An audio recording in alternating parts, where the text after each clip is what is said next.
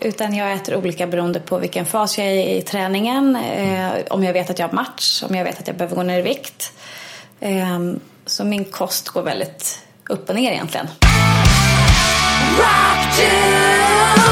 Rockdudes 59 presenteras av Studio 7 Tattoo. Välkommen till Rockdudes 59 som den här gången gästas av den kvinnliga MMA-fighten Gabriella Ringblom. Ja, som du hör så kommer det här avsnittet att gå helt utanför Rockdudes vanliga ramar. Och idag har vi bjudit in en profil från den svenska kampsportscenen. Gabriella Ringblom har hållit på med olika typer av kampsport i större delen av sitt liv.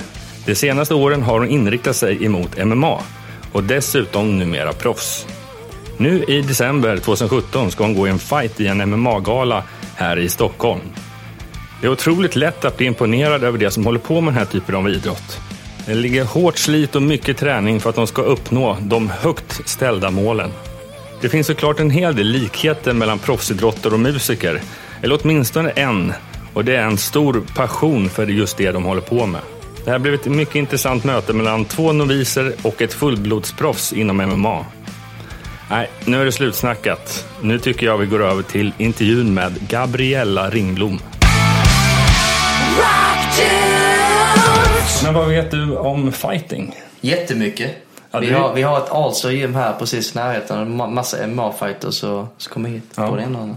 Men gästen ni frågar här är tydligen ganska stor inom MMA-världen också. Ja, det är ju det jag har hört. Det är du som är fan av den här sporten mer än vad jag är. Men jag har försökt att läsa på mig så gott jag kan.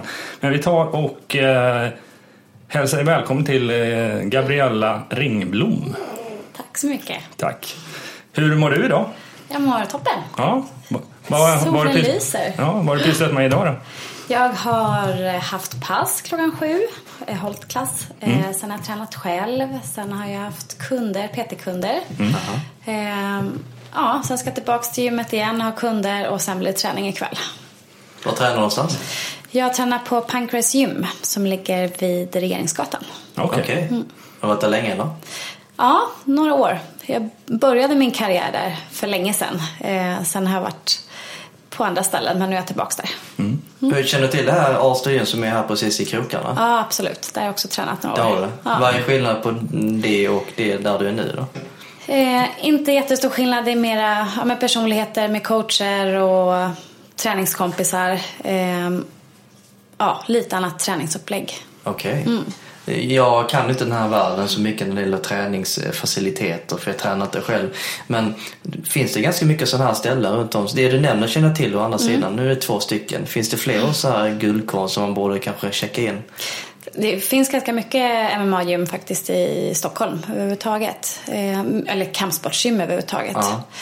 Eh, Så det beror lite på vilken som sagt inriktning man vill ha. Eh, Och sen så tror jag mycket själva atmosfären och känslan på gymmet spelar jättestor roll när man väl väljer. För flera år sedan så var det ju inte lika hett. Jag tror det har med att det finns en fanbärare. Alexander Mahler har ju förvisso banat vägen lite grann. Tror du det har lite grann med det typ i och med att MMA i Sverige blir större och större så givetvis blir det fler gym. Att det verkar hända någonting här i Stockholm. Ja, absolut. Jag tror att, eh, att det växer uppmärksamhet över sporten och att det inte anses lika farligt eller kriminellt längre. Eh, eh, det är mer accepterat. Eh, Många vill träna det bara som en, en fyssport eller som en motionsgren. Hur ser det ut i de andra storstäderna? Malmö och Göteborg då? Det Är finns också mycket kampsportsgym. Så det växer och växer. Även i de mindre städerna kan vi hitta kampsportsgym. MMA är fortfarande lite ovanligare än de andra som boxning och thaiboxning och kicken. Men eh, MMA kommer också.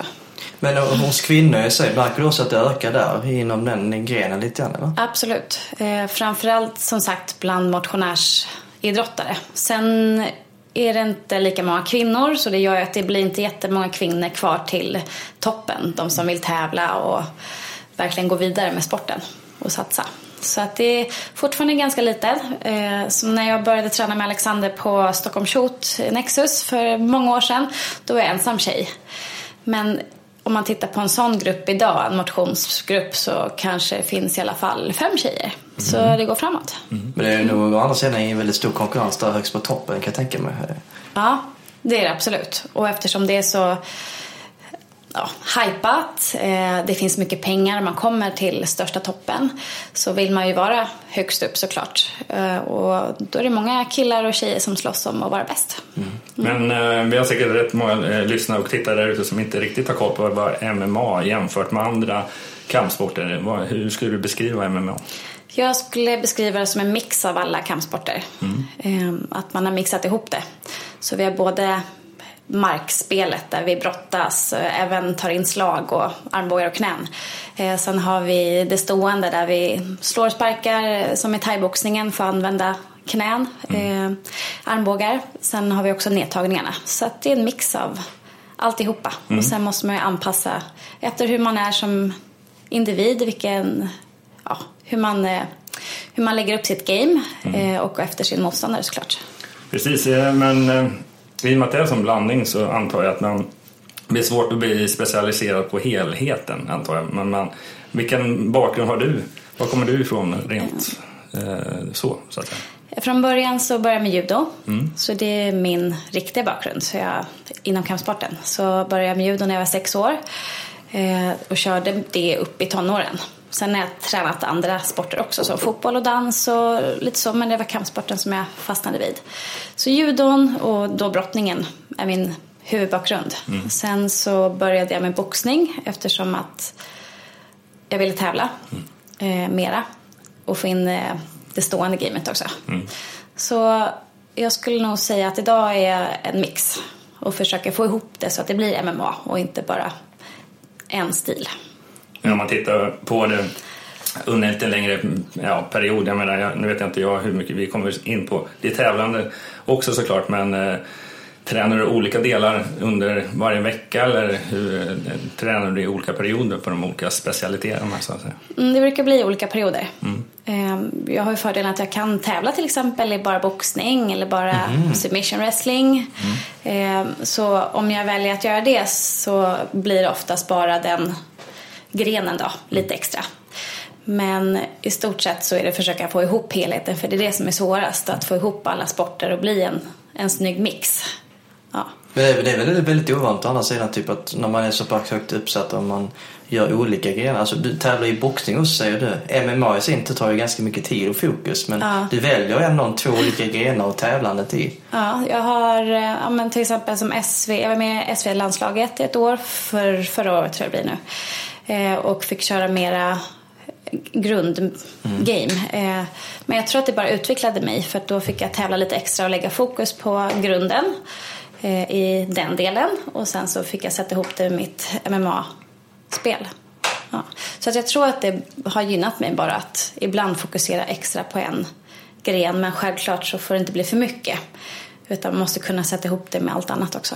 Hur ser boxningsvärlden ut nu numera i Sverige? Det har gått ner ganska mycket. Jag, nu, jag kommer ihåg för flera år sedan så var det ju illegalt med proffsboxning. Mm. Ett fåtal länder. Det var Sverige och ett land till vill jag minnas som förbjöd det. Uh, och nu har de ju haft den här uh, förbannelsen lite ja. grann. Så att uh, nu verkar det på uppgång igen. Men ändå mm. har MMA tagit över lite grann. Ja, jag tror det. Det är mer populärt. Sen så kommer nog boxning alltid finnas med. Det är fortfarande en OS-gren och det är väldigt populärt och det är mycket fortfarande finns de äldre generationerna kvar i det. Eh, som ledare till exempel eller som föreningspersoner. Så att det är fortfarande en gammal sport men eh, ja, jag tror de måste tagga upp lite om de ska få folk från till exempel MMA. Tänker man inte då typ att um, utmaningen är givetvis på MMA men då kanske det blir lite lättare att slå sig in på boxningssfären för att det inte är lika attraktivt och hett. Så att man borde kanske satsa, satsa. mer på det. Fast givetvis är det inte det man är ute efter. Man gör ju mm. det man tycker själv är roligast mm. och, och hellre den biten. Ja. Uh, här verkar du ha bägge helheterna i, i sig så att du har en fördel. Du kan välja lite grann vad du vill göra. Precis, det kan jag göra. Men nu, fortfarande är MMA som min, min, ja. min huvudsport och min kärlek. Så. Men sen vet man ju aldrig om det bara blir boxning någon gång i livet. Men nu verkar det som att du ska göra karriär också på MMA för att kommit in från eh, guldmedaljer i amatör MMA, VM i Las Vegas. Det har gått jättebra framåt. Mm. Vad är nästa grej då? Nästa grej är Superior Challenge som är i december. Mm. Så det blir min första proffsfight. Vet du vem du ska möta? Ja, Eh, Malin Hermansson ska mm. möta. Mm. Eh, Är det, nu är jag väldigt kass inom det här, men är det någon som är högt rankad eh, under dig eller över? Hon har inte varit världsrankad så. Hon har inte varit med i svenska landslaget. Eh, Hon har tävlat en del. Jag vet att hon är boxare i grunden. Hon har gått lite amatörmatcher och gick bland annat på en gala på Berns Irfa förra året. Eh, Men jag vet inte jättemycket om henne. Ni känner inte varandra heller någonting, bara via ryktesväg. Så. Ja. Hur förbereder man sig inför en sån här eh, första viktig match? Ändå? Sitter och gör ganska mycket så här, um, kolla in hennes tidigare klipp. Eh, I hennes fall kanske det finns så mycket att kolla igenom å andra sidan. Nej, jag har inte hittat jättemycket, men jag har inte letat jättemycket heller. Jag Nej. tror man kan hitta mer än vad jag har gjort. Eh, men jag fokuserar mer på min egen träning. Eh, det kan vara lite farligt att bara stirra sig blind på vad han gjort förut, för man vet aldrig vad som har ändrats. Eh, så jag lägger mycket fokus på min egen träning istället. Och sen tar jag det som det kommer lite grann i matchen. Man undrar lite grann hur hon tänker då från andra sidan. Om hon gör samma grej som dig. Ja. Ja. Jag siktar på mig själv och så tar det som det kommer. Men jag tror de visar lite sluga där. För dig finns det ganska mycket att ta på. Alltså, Titta där ute på internet. Det säger så att ja, det kan bli tufft. Men det känns som att du verkar ha en plan i alla fall på den Ja, det har jag. fronten. Jag har en plan. Eh, som sagt, det är klart jag har kollat lite på henne. Jag vill veta om hon är South Pole eller om det är någonting som verkligen utmärker henne i hennes fight. Eh, men annars som sagt så som fighter måste du vara beredd på lite vad som helst, att vad som helst kan komma och då kan det vara lite farligt att vara för eh, inpräntad i en viss bild. Så.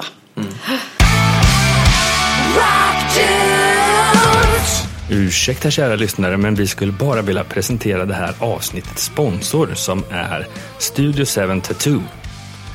Studio 7 Tattoo ligger på Södermalm i Stockholm och är inte bara det här avsnittets sponsor utan även vår gäst Gabriellas. På Studio 7 hittar du Jan Del Villar, Patricia Gia, MJ och Sebastian Barassa.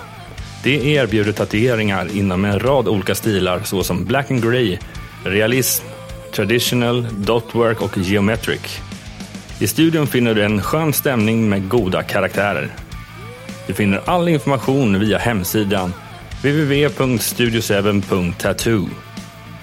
Tack kära lyssnare för ditt tålamod. Men nu går vi tillbaka till programmet. My- Mycket i den här sporten, eh, som i många andra sporter, är på den mentala sidan. Jag antar i och med att proffscirkusen i, mo- i MMA och andra sporter, det är oftast en ganska lång väntan. Är mycket förberedelse. Och träning kan man ju hela tiden, fysiken kan man ju alltid eh, ha ett program för. Men hur, hur gör man med den mentala träningen? Ja, eh, det har kommit mer och mer fokus på den mentala träningen och mera, vad ska man säga, läror inom det. Så att det finns även ja, men, att träna mental träning. Eh, Jag försöker få in det lite och sen så tror jag att jag gör det mer och mer automatiskt nu. Så att man förbereder sig inför träningar, man har målbilder, vad man ska göra, hur man vill att det ska kännas och se ut. Eh, Så man tränar det mentala likadant som du gör det fysiska egentligen.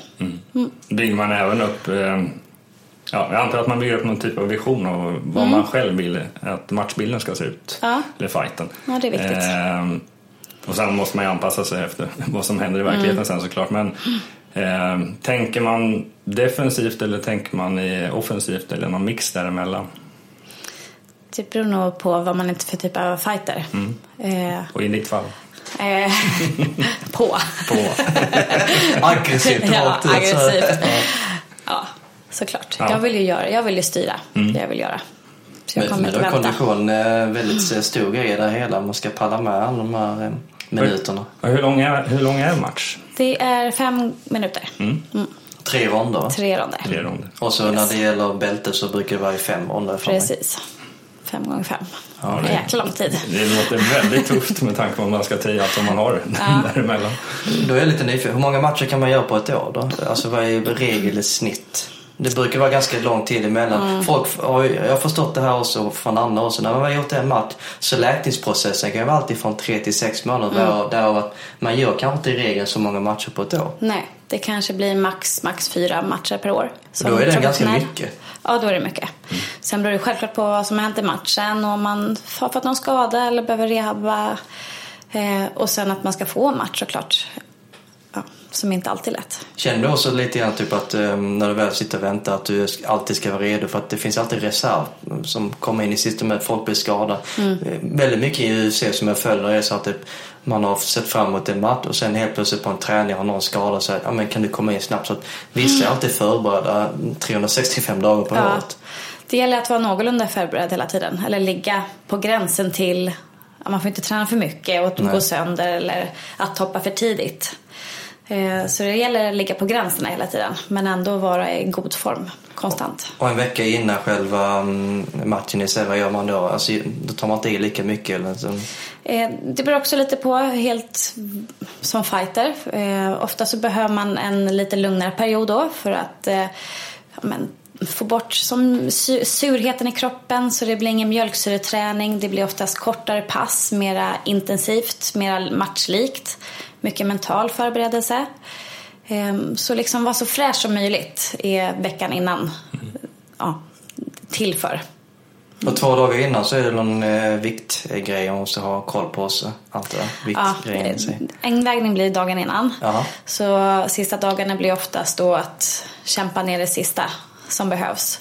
Om man inte redan ligger väldigt bra. Men i våran sport så är det väldigt mycket bantning och eh, viktnedgång inför fighter. Kämpar du med det då? Eller har du lätt för att klara vikten? Jag brukar ändå ganska lätt för det men jag behöver ändå gå ner några kilo. Okej. Okay. Mm. Vilken viktklass tävlar du i? 56,7 56, har varit min eh, amatörvikt och det kommer bli nu första matchen också. Sen så behöver jag gå i en lägre viktklass eftersom att många som jag kommer möta kommer vara mycket större än mig om jag skulle fortsätta den här vikten. Okej, okay. Var, varför är det just de här decimalerna 56,7? Vad är anledningen till? Jag tror att det är efter amerikanska Aha, okay. L, vad heter det, LBS. Ja, just det, ja. precis. Ja. Så då, vad händer om man eh, missar viktklassen då?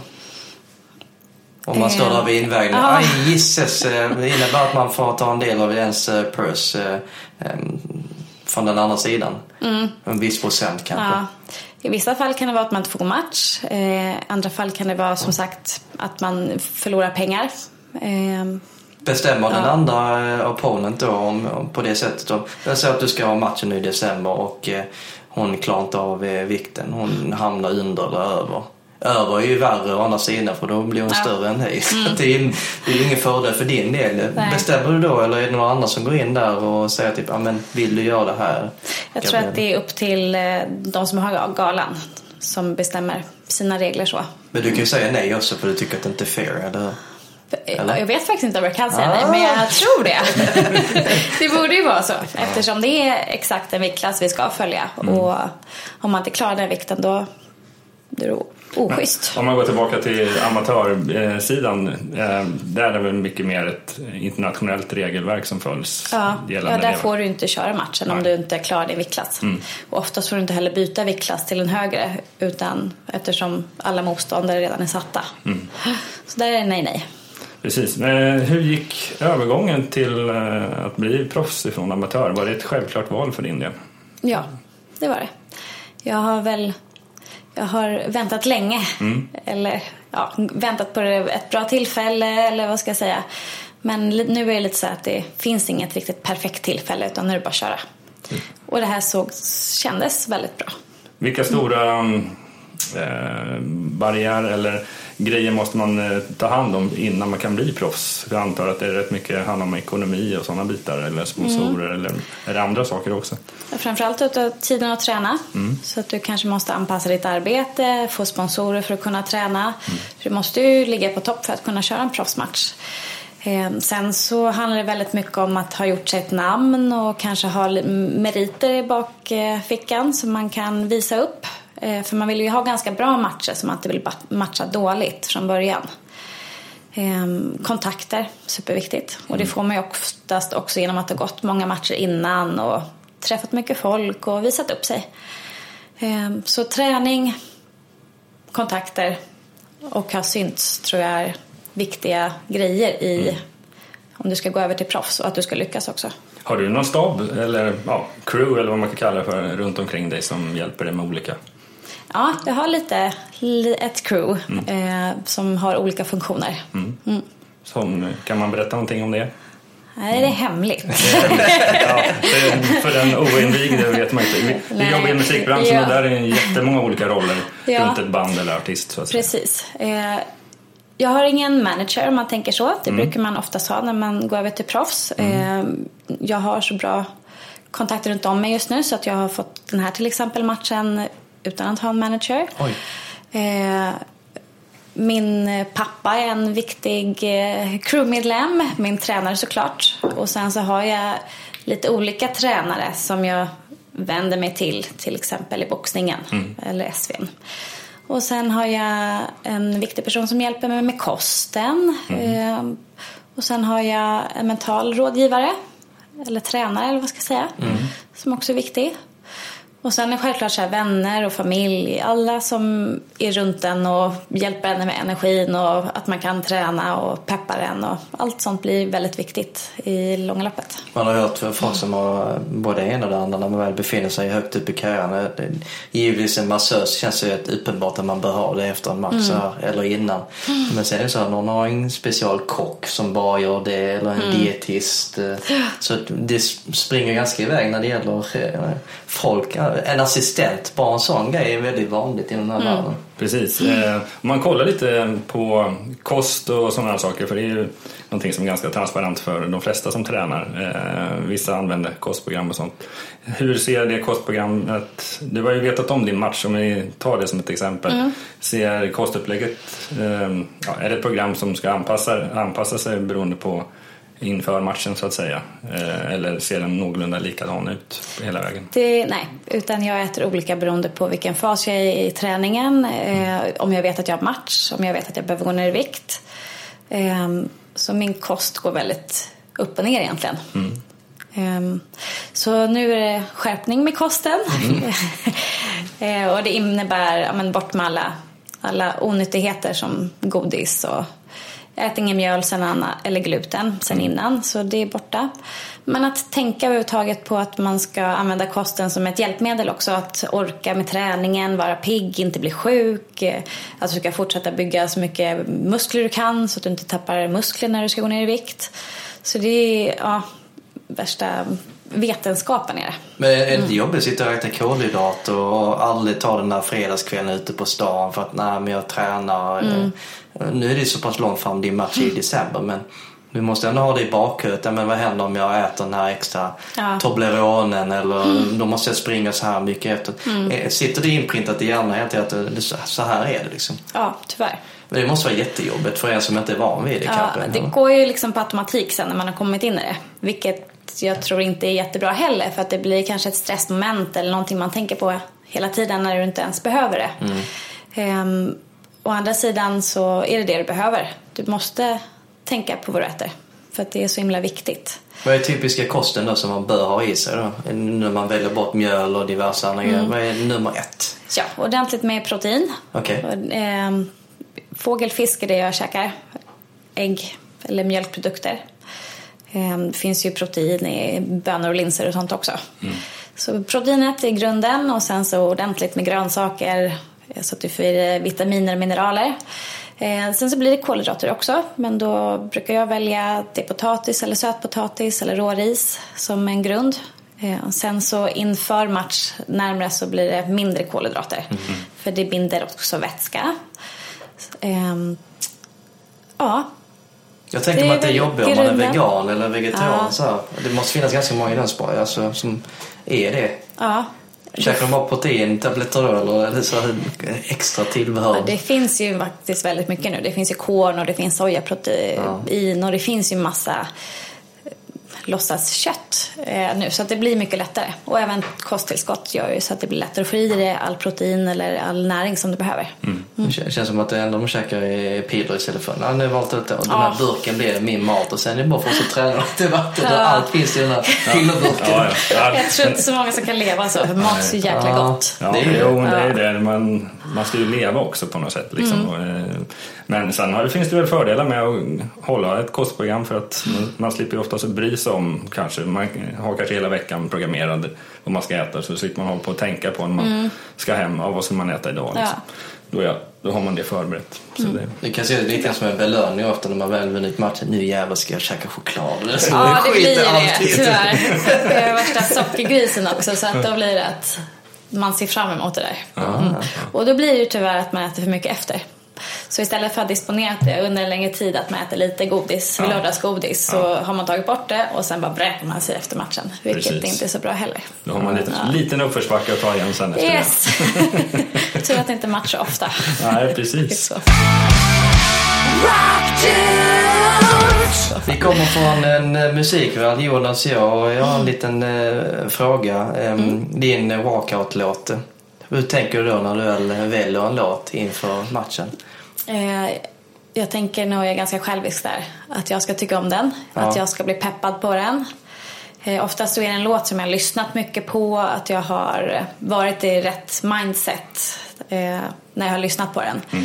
Och att den då liksom triggar igång grejer när jag väl hör den när jag står där på scenen. Kör du alltid samma låt eller det mixas? Nej, olika. Okej. Ja, det har varit olika varje gång tror jag. Ja. Är det svårt att välja? Jag tänker rättigheter och grejer. De måste kolla upp sånt där också. Det har inte jag någon koll på. jag har Jag skickat ska ha låten. den! Fixa det! Jag vet faktiskt inte. Ja, det är nog Det är det, va? arrangören som får böten i så fall. Nej då. Ja, Spännande. det har inte varit några problem Nej. innan.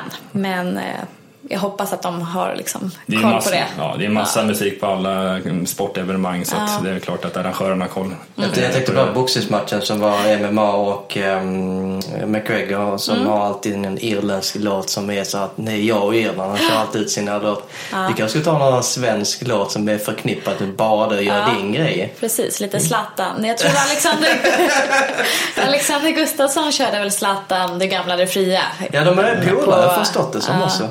Också. Vänner, nära vänner. Ja, men det kan vara bra att ta ett så här signum, eh, en signumlåt. Det var inget helt fel med det. Ja, det finns ett band som alltid har samma introlåt inför konserter också. Så att, Ja, just eh, men eh, har du något intresse för musik? Om vi återanknyter till våra intressen. Eh, ja, vilken typ av musik lyssnar du på till exempel? Allt möjligt. Mm. Eh, ja, verkligen allt möjligt. Det kan vara från jazz, det är hiphop, det är eh, soul, det är ja, allt möjligt. Men eh, eftersom jag tränar mycket, håller mycket klasser och pass så blir det ganska liksom, högt tempo Mm. i låtarna. Jag tycker om mycket ja, rytmer, mycket trummor, eh, latinamerikansk, eh, afromusik. Mm. Eh, mycket den typen av musik är det just nu i alla fall. Ja, för du gör de programmen själva, musik, lägger musiken till klasserna så att säga? Ja, eller? precis. Mm. Det gör jag. Så högt tempo och sen har jag dansat mycket med bland annat salsa, eh, ja, latinamerikansk dans så att då sitter det kvar lite, ganska mycket kärlek till det också. Mm. Om man blickar lite in i framtiden, eh, bortanför den här närmsta matchen. Eh, hur, eh, hur länge räknas man kunna hålla på om man håller sig borta lite från skador och, Mm. och sånt som kan avbryta en karriär? Eh, hur länge kan man hålla på ungefär? Finns det- Inom MMA så börjar ju männen i alla fall och kvinnorna blir väldigt gamla. Mm. Eller gamla jämfört med andra idrottare på elitsatsande nivå. Så att, eh, ja, minst 45 i alla fall. Kanske. Men på boxningsvärlden kan det gå ett steg längre, eller hur? Ja, jag tror förut så hade de någon gräns där vid 35 tror jag det var. Eh, De har höjt det och sen så vet jag inte hur det är i proffsvärlden riktigt. Men jag tror att de har en, en gräns, att man inte får vara för gammal. Men det finns inte i MMA. Ja, men det finns den här svenska Anna Laurell, eller vad Ja. heter hon? Hon är väl dryga 40 i varje fall. Ja, Hon ska väl upp, eller har väl kanske varit uppe nu i någon proffsmatch, Mm. såg jag på tv häromdagen. precis hur det går. Och kvinnor ska ha lite längre livslängd också i sport. Vi, vi pikar senare i livet. Ja, Mm. Så det är väl en fördel. ja precis. Ja. Ja, de har ju sett i vissa andra sporter faktiskt. Just i skidåkning och sånt där är någonting som jag följer och där har Mm. ju oftast kvinnor och även en del män kommit upp mot 40 och kunnat Mm. Vinna guld Precis. i sina sporter. Så det är häftigt. Jag tänkte förebild. Du, du är i, i grund och botten lite grann som en förebild på att du kommit ganska långt i din karriär. Och hela, har du ju själv förebilder som du ser upp till? Massor, men jag har ingen... Jag kan inte säga någon så, utan Nej. jag har, eh, jag har massa förebilder runt om mig och ja, oftast så är det personer som jag har en relation till som jag ser upp till. Sen så självklart inom sporten och så också kan man se upp till wow, eh, så där skulle jag vilja gjort eller så där vill jag göra eller bli. Men eh, mina största förebilder är de som jag har en, en relation till. Mm. som dessutom kan hjälpa dig Ja, precis. Och utmaning då? Om du skulle kunna möta någon boxare eller en MMA, har du någon så här, den vill jag möta för då kommer, jag, då kommer hända grejer eller så här. Nej, jag vet inte riktigt. Alltså, UFC har inte riktigt min viktklass än så länge. Nej. Så de brudar som har varit där, de är, har skulle varit skitkul att möta. Men de är kanske 20 kilo tyngre, så att det inte är realistiskt. Ehm, Är det någon du följer där? Jag för mig typ, jag är så dålig på namn, men den första fanbäraren där som startade hela sin division och tog med viktklassen. eh, Det har gått ganska bra för henne. I Ronda Rousey Ja, exakt, kanske? precis. Ja. ja, det skulle varit jättekul. Judoka, eh, ja framförallt judotjej. Mm. Eh, men som sagt, tyvärr lite för tung för mig. Annars skulle det varit väldigt spännande att se vad som skulle ha hänt. Har du haft några mm, eh, motgångar längs vägen, så att säga? Inom min idrottskarriär? Ja. Ja, som i livet så går det alltid upp och ner. Eh, jag var, lite, jag var sjuk, min sköldkörtel bangade ur så jag har haft problem med hormoner, sådana saker. Eh, men jag har liksom alltid hållit igång med träningen och sett det som någonting av det viktigaste för min överlevnad överhuvudtaget, att må bra. Så att jag har inte halkat efter så mycket att jag inte kunnat ta mig tillbaka. Nej. Nej. Sen så är det alltid tufft, eller om man har förlorat en match känns det alltid tufft. Men som sagt, det känns så naturligt. Det är så stor del av mitt liv, eller det är mitt liv, att också träna och, och kämpa med, med det här. Så att det finns alltid med mig. Ja, det brukar ju vara det som inte dödar härdar, brukar man ju Ja, kunna säga exakt. Det är bara att tänka så. Ja. Det stämmer. Jag jämför med andra sporter som, eh, nu är det så MMA är inne och det är fler som kommer in. Men att få det att överleva, allt jag jämför med andra sporter som curling och damfotboll som är väldigt kämpigt. Så här, verkar det ändå vara tvärtom. Att det är klart att ju fler som tittar på matchen desto mer pengar det kommer in. Men blir det jobbigt i längden, typ om man kanske har ett jobb i sidan av också och ska försöka pussla ihop A-lagen.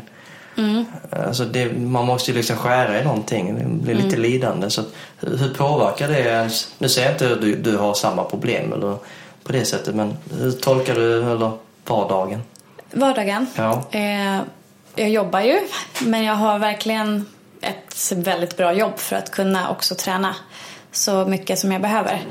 Eh, eftersom jag kan styra mina tider väldigt mycket själv. Och för att jag kan jobba lite färre timmar kanske och få lite mer betalt för just de timmarna än att jobba åtta timmar på ett annat jobb. Sen så skulle man ju helst bara vilja lägga sin energi och tid på träningen eftersom det är där jag vill få en karriär just nu. Ehm, Sen måste man alltid ha någonting att falla tillbaka till också eftersom jag inte alltid kommer att ligga på topp i min idrottskarriär. Så att eh, utbildning är viktigt, att ha något jobb lite grann tror jag är viktigt också vid sidan av. Ehm, Sen så skulle man ju behöva ragga sponsorer och ja, hitta investerare som vill hjälpa en för att kunna satsa nu de här åren som jag har kvar. Ett management i sig, är det någonting att föredra kanske lite längre fram efter den här Ja, matchen? Absolut. Det är något att leta efter. Alltså. Jag behöver ju hjälp med det praktiska till exempel. Eh, Det går inte att göra allting själv. Jag kan Nej, inte vara min nej. egen kostrådgivare, jag kan inte vara min egen fystränare. Även fast jag har kunskapen så måste man ta hjälp utifrån. Och då är det samma sak med att hitta hjälp med sponsorer eller bara läsa kontrakt och sådana saker. Mm. Det är ett helt team, en hel stab. Ja, Ja, men det, det, det gäller ju att behöver ha man. rätt person på rätt plats. Man kan inte kunna Ja. allt. Liksom. Ja. Eh, precis. Eh, Vi har en punkt där. Vi har en gemensam vän som lyckas få till den här intervjun. Och det är Seven eh, Studio Tatuerings. Yes. Som jag vill lite flagga lite i hand och prata gott om. Eh, Tillbaka till det här med tatueringar. Som en eh, slutpunkt. Eh, Du är sponsrad för, på tatueringar på den här studion. Ja, helt fantastiskt. om man Så- tycker om tatueringar så är det helt fantastiskt. ja. Så du lyckades väldigt bra då på egen hand då. Ja, Hur gick det till? Och Hittade de dig eller vi- via bekanta? Ehm, eller? Via bekanta, skulle jag säga. Eller via bekant. Mm. Vi har en liten hundbesök här. Ja, min bärare är med. Han tycker det börjar bli tråkigt. han, han har varit lugn hittills. Eh, så det var genom en bekant och sen så om man pratar om crew så har det blivit en del i crewet eftersom det är så himla sköna personer där och som stöttar mig och taggar mig och det blir liksom ja, Men då alltså- blir det en del i gänget. När ska du hinna tatuera dig? Jag har faktiskt påbörjat ett projekt. Jag Har suttit sju timmar plus fyra timmar. Jag håller på med mitt ben, så det blir en stor grej. Ja. Och den är nästan klar. Jag tänker Mm. mig att du måste hålla undan för träning en vecka då efter att ha tatuerat dig första sittningen. Jag har fuskat lite. Okej. ja men det är aldrig bra har- eller? Läkningsprocessen i sig Ah. måste vara kämpigt. Precis, men eh, jag känner min kropp ganska eller, väl. Så att jag känner om det skulle vara så att jag behöver vila helt för att läka. Eh, Däremot så undviker jag allt som Ja, så att det inte blir en infektion i såret. Så att jag har långa byxor, jag brottas inte så att det gnuggas mot såret. Jag har kört eh, med styrketräning och boxning där jag inte har någon närkontakt med någon. Ja.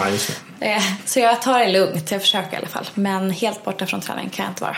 Det inte lite farligt då? Alltså nu är det lite eh, lyxproblem. Nu, du sponsrar med tatueringar. Alltså, du kan ju aldrig säga nej för du är i princip att du kan få hur mycket du vill. är inte det en farlig egenskap? Lite så här? En farlig sponsring. Ja, det, Ja, nej, jag kommer nog ha svårt att säga nej. Ja, precis. Men det blir ingen Tyson i ansiktet i alla fall. han var så besviken Mike Tyson som har tribal halva ansiktet så här. Det, ja, det var inne då men inte nu. Det. Alltså, Det försvann illa kvickt. Ja. Ja, men eh, jag känner mig eh, väldigt eh, nöjd och bekväm och hoppa in i ringen tänkte jag säga. Ja, Få, en, få en liten match. Vilken gren Ja, det, det, det, alltså jag väger ju 62 kilo så jag är relativt kort så att i min viktklass så kanske det benämns som flygvikt. ja Det stämmer va? eller hur? 61 skulle det gå i. 61. Ja. Ja. Och du? Kör. Ja, jag, är, jag, är, jag är nästan tre decimeter längre och, och 40, 40 kilo. Du har en egen klass för sig, en egen division. eller så. Kanske. Alex viktklass skulle jag tro Ja, nästan. precis. Bara skillnaden där är att det bara är muskler och det här är en och annan i och för sig. Men. Ni- Ja, men jag, jag, jag vill tacka Gabriella för jag har lärt mig jättemycket Ja. angående MMA och jag följer jättegärna din match eh, lite längre fram. Och till och med så att vi ska skaffa plåtar och titta och se Ja, det vore i alla fall åtminstone passa på. Framförallt nu när man har lärt känna dig lite och fått lite mer insikt. Jag har fått två nya fans på din stab. Woho! jag har Instagram så ni får gärna kika där. Gabriella Ringblom. Eh, och där kan man också hitta en länk där man köper biljetter. Mm, Om man vill kolla min match. Det var jättebra. Och så får ni jättegärna komma och träna någon gång om ni vill. Vi ska, vi ska försöka. Jag vågar inte riktigt försöka. Men eh, med, med det så tackar jag jättemycket Gabriella för att du ställde upp. Tack själva. Tack, tack. Kul att vara här. Tack för att du har lyssnat på Rockdudes 59 som den här gången gästades av MMA-fighten Gabriella Ringblom. Det är kul när så erfarna människor vill dela med sig av sina erfarenheter till alla oss andra.